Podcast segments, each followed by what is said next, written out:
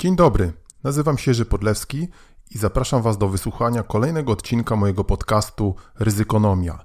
Więcej ryzykonomii, informacji o moich e-bookach, usługach doradczych i szkoleniowych znajdziecie na stronie www.ryzykonomia.pl.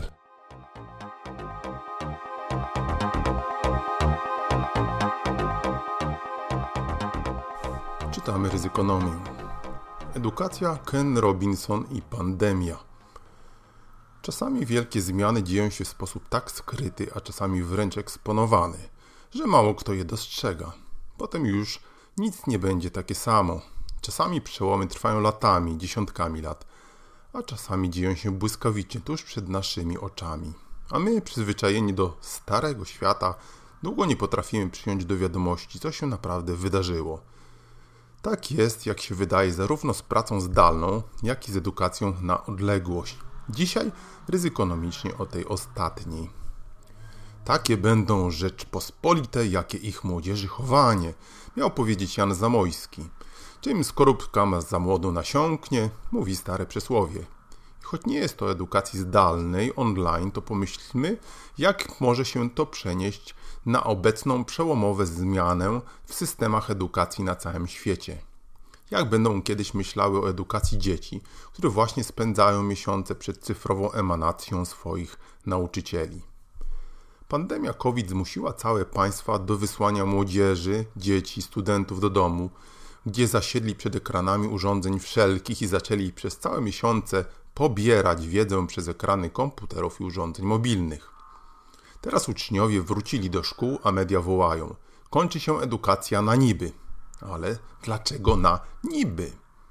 Niech nas nie zmyli ocena jakości zdalnej edukacji do tej pory. Wynika to po prostu z faktu kompletnego nieprzystosowania systemów edukacyjnych do wymogów cyfryzacji, internetu wszechrzeczy, wszechobecnych algorytmów i robotów do odkurzania, co skromny autor uważa jedno za jedno z największych udogodnień dla męskiej części ludzkości w historii ever.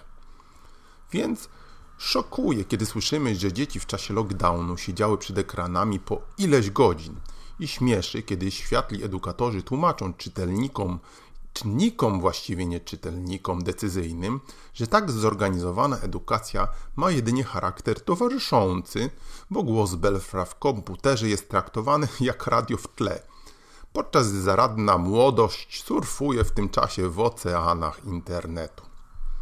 Że trzeba pomyśleć o zupełnie nowych sposobach edukacji, że już przed pandemią obecny straszny system edukacji z morderczą skutecznością zabijał kreatywność, na co są liczne badania.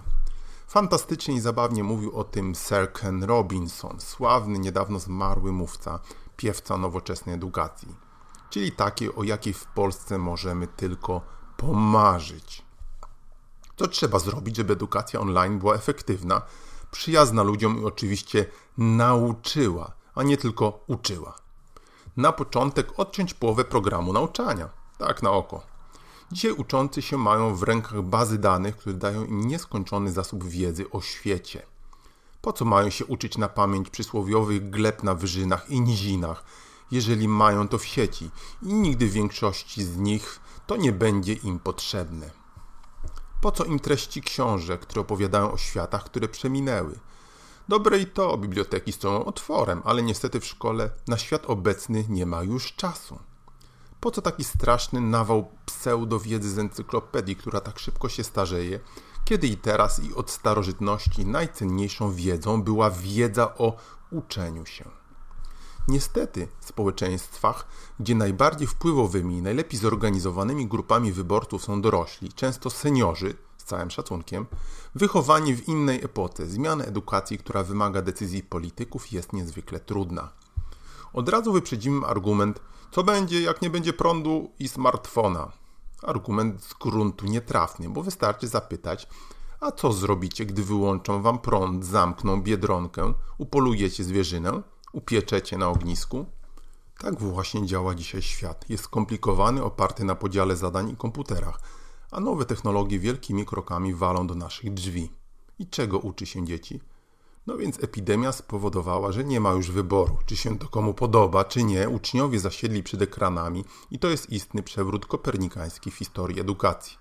a może i w historii ludzkości w ogóle.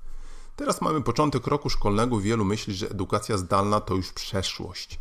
Ale przecież epidemia wcale się nie skończyła i na przykład większość szkół wyższych deklaruje co najmniej nauczanie hybrydowe. Edukacja zdalna online już z nami zostanie na dobre, bo potencjalne korzyści są zbyt wielkie i sanitarne, i kosztowe. Sektor edukacyjny zmieni się nie do poznania. Szkoda, że o fundamentalnej zmianie samej edukacji, o dostosowaniu jej do dzisiejszej już przyszłości myśli się na końcu.